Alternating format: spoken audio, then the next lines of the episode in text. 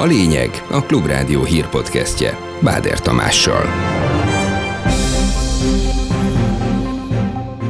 Mintegy 80 település kiürítését rendelt el az ukrán elnök a felrobbantott Novakahovkai vízierőmű miatt. A szakértő orosz támadást adja Naxi. Teljesen egyértelmű, hogy ha azt nézzük, hogy kinek az érdeke, akkor itt kilóg egy hatalmas lóláb. Már nem is várjuk az EU-s pénzeket? Felkészülne az uniós források nélküli gazdaságra a szakminiszter. Én innentől kezdve csak azt gondolom, hogy zsákutca, és minél gyorsabban mennek bele, annál nagyobb kárt fog okozni. Egyre kevesebben, alig több mint 9 millió 600 ezren élünk Magyarországon. Egy akkora évi 40 ezer fős természetes fogyás van, hogy ez önmagában reális időn belül nem fordítható meg. Esernyő vagy esőkabát szintek kötelező tartozék szerdán is. Egyelőre marad a csapadékos, kicsé hűvös nyár kezdet.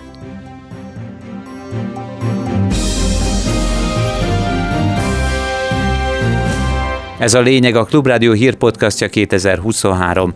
június 6-án. Jönnek a részletek. Сейчас прилет. Я не знал, что Subaru у меня как подводная лодка. Ömlik a víz Dél-Ukrajna egyik településén kedre víradó reggelre, a felrobbantott Nohakahovkai vízierőmű közelében. Az ott élők már a korai órákban tapasztalhatták, hogy a Dnyeper vizét felduzzasztó gát átszakadásával a folyó hatalmas erővel kezdi elárasztani az utcákat, házaikat, az egész környéket. Volodymyr Zelenszky ukrán elnök 80 település kiürítését rendelt el az érintett zónában.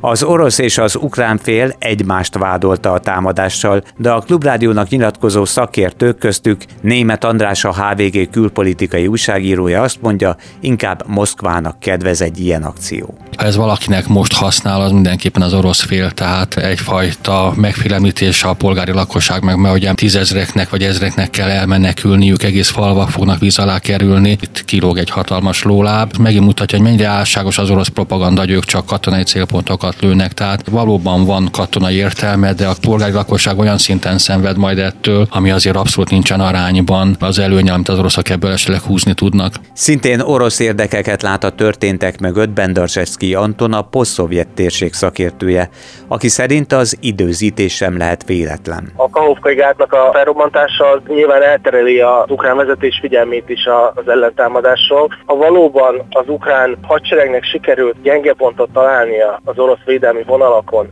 hogyha ezt a pillanatot elmulasztják, akkor az oroszok néhány nap alatt megerősítik ezeket a vonalakat. Tehát én azt mondom, nem véletlenül tegnap hajnalban valami megindulhatott a fronton, ma hajnalban pedig felrobbantották a Kahovkai vízerőműnek a gátját, tehát ilyen véletlenek nincsenek. A német kancellár szerint új dimenziót jelent Oroszország Ukrajna elleni háborújában a Doha-Kahovkai gát felrobbantása. Ez illeszkedik a polgári célpontok elleni támadásokból is álló orosz hadviseléshez, és az orosz katonák által elkövetett sok-sok bűncselekményhez, fogalmazott Berlinben Olaf Scholz. Az orosz invázió kezdete óta 16 millió ukrán menekült lépett be az Európai Unióba, közülük 4 millióan továbbra is itt tartózkodnak, közölte az illetékes EU biztos. A brüsszeli tájékoztatón beszámoltak arról is, hogy az év eleje óta mintegy 1 millió 300 ezer ukrán menekült kapott már munkát a tagállamokban. A menekültek aránya szempontjából különösen Németországra és Lengyelországra nehezedik rendkívül nagy nyomás. Brüsszelben tegnap este az állandó képviselők egyességre jutottak a magyar helyreállítási tervvel kapcsolatban. Hónapok óta sürgeti az Orbán kormány, de Brüsszelből továbbra sem érkeznek a jogállamiság és más okokból zárolt EU-s pénzek. Az optimista jóslatokkal mondhatni tele a padlás, de közben már felkészülne az uniós források nélküli létre is a gazdaságfejlesztési miniszter. Nagy Márton szerint ezt hosszabb távon a külföldi működőtőke beruházás helyettesíthetné. Zsák utcának tartja az uniós pénzek elengedésének tervét Bot Péter Ákos, a Nemzeti Bank egykori elnöke. Azt gondolom, hogy Zsák utca, és minél gyorsabban mennek bele, annál nagyobb kárt fog okozni, hogy lehet ebben megfordulni, ugye ezt nem lehet tudni. Minden esetre az európai gazdasági folyamatok más irányt vettek, a 27-ekből 25-en, 26-an alapvetően sikeresen leváltak az orosz energiafüggéstől, és azon kívül képzelik el a közös közös jövőjüket. Ha Magyarország ebből kimarad, akkor kimarad és lemarad. Megemeli a kormány jövőre az üzemanyagok jövedéki adóját, derült ki a pénzügyminiszter által benyújtott adócsomagból. A tárca azzal indokolja a változást, hogy uniós kötelezettségszegési eljárás kockáztatnánk azzal, ha az EU szintnél alacsonyabban határoznák meg ennek a mértékét. Szintén megugorhat jövőre több más energiahordozó ára is. Itt, ami eddig különadóként volt megállapítva, az immár a normális szintet jelentheti. A kormány 10%-kal csökkenti a gáz, a víz és az áramárát. Ebből nem engedünk. A bezárt posta rezsiszámai igazolják, hogy a lakosság 2020-ban többet fizetett a gázért, mint az állami cég, írja az átlátszó egy konkrét esetre hivatkozva. A posta a rezsire mutogatott, és ezért zárt be számos egységet, majd nem is nyitotta ki őket újra. A rezsiszámok azonban egy dologra mégis rámutattak, a lakossági rezsicsökkentett ár mítoszára, mondja a Segesvári Csaba az átlátszó munkatársa két dolog lehet. Az egyik az, hogy az állam olyan nagy vonalú, hogy a, az állami cégeknek olcsóban adta a földgázt, mint a lakosságnak, és a lakossággal finanszíroztatta ezt meg. Ez úgy gondolom nem fedi a valóságot. A másik, ami sokkal közelebb állhat a valósághoz, hogy a földgáznak az akkori versenypiaci ára az bizony igazoltan a rezsicsökkentett ára alatt volt.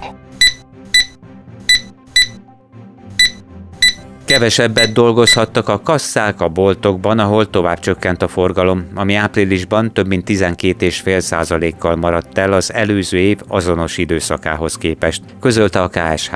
Az élelmiszert árusító üzletekben több mint 8,5%, a kiskereskedelem más területein valamivel több mint 10,5% a visszaesés, de üzemanyagra majdnem 23%-kal kevesebbet költöttek, mint egy éve ilyenkor, derült ki az adatokból.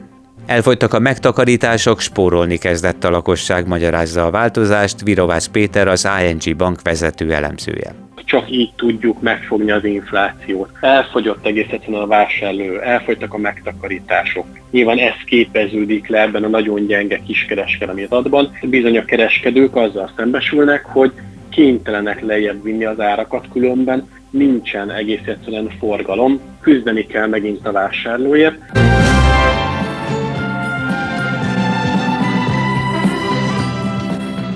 Karácsony Korvin nélkül.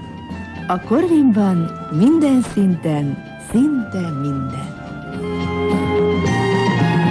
Megújulva, régi fényében ragyogva tért vissza a Korvináruház, ami külső megjelenésében visszahozta a száz évvel ezelőtti időket belül viszont teljesen átépült, mondta Ongyert Richard várostervező a Klubrádiónak. A szakember szerint a Blaha Luisa tér átváltozásához és a környék fellendítéséhez is hozzátartozott az épület felújítása. Az idősebbek számára nyilván előjöhet fiatalságokkal kapcsolva, amikor a Korvináruház még a fénykorát élte. A fiatalabbak számára meg valószínűleg egy ilyen lepukkant, plével burkolt, ki tudja mi van benne létesítményt, ami mert is a Korvináruház az elmúlt 30 évét meglehetősen hányatott sorban élte.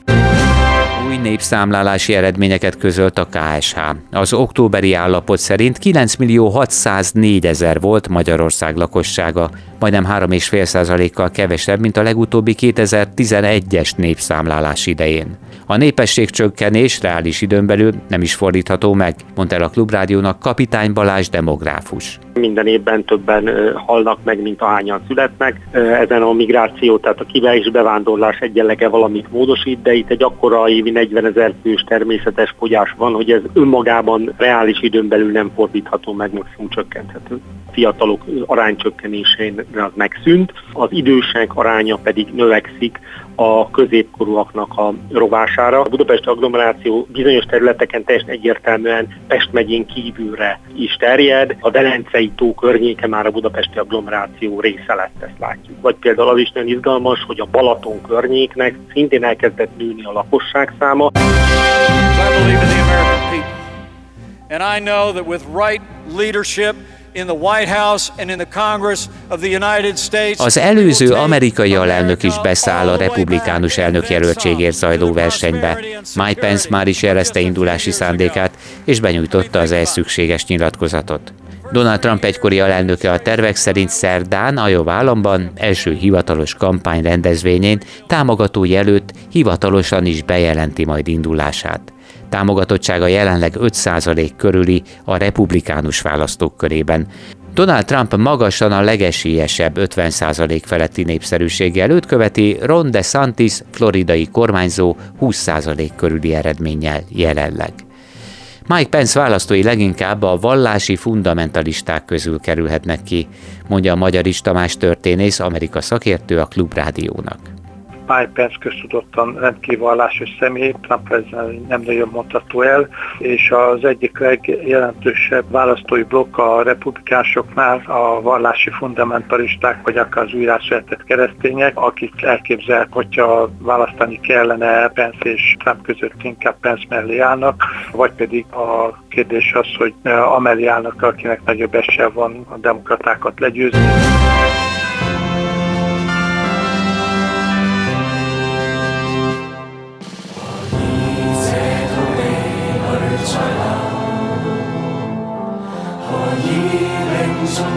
Dicsőség Hongkongnak, ez a most hallható dal címe, és ez nagyon nem tetszik a Pekingből irányított hongkongi kormányzatnak, ezért már is kezdeményezte a betiltását, hiszen sokan már himnuszként emlegették a dalt.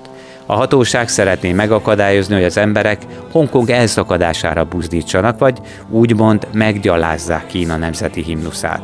Egyébként mindez még 2019-ben íródott, amikor Hongkongban egy mára már visszavont kiadatási törvénytervezet ellen robbantak ki tiltakozások.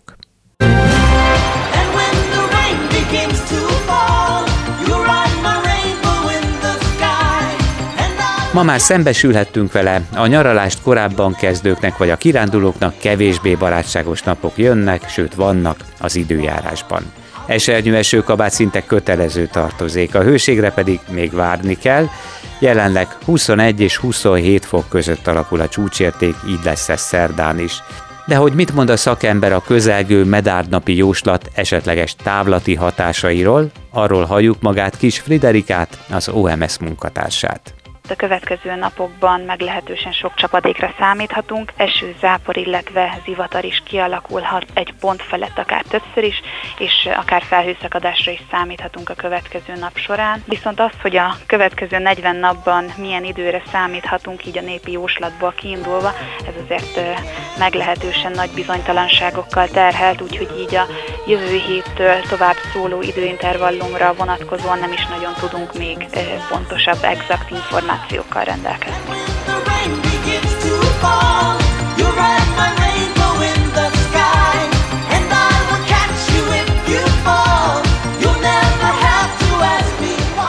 Az biztos, hogy mára ez volt a lényeg, a Klubrádió hírpodcastja. Munkatársaim Golkata, Pec István, Selmeci János és Kemény Dániel nevében is köszönöm figyelmüket, Báder Tamást hallották. Legközelebb a megszokott helyeken és a megszokott időben Szerdán délután 4 óra után keressék a lényeget a podcast felületeken.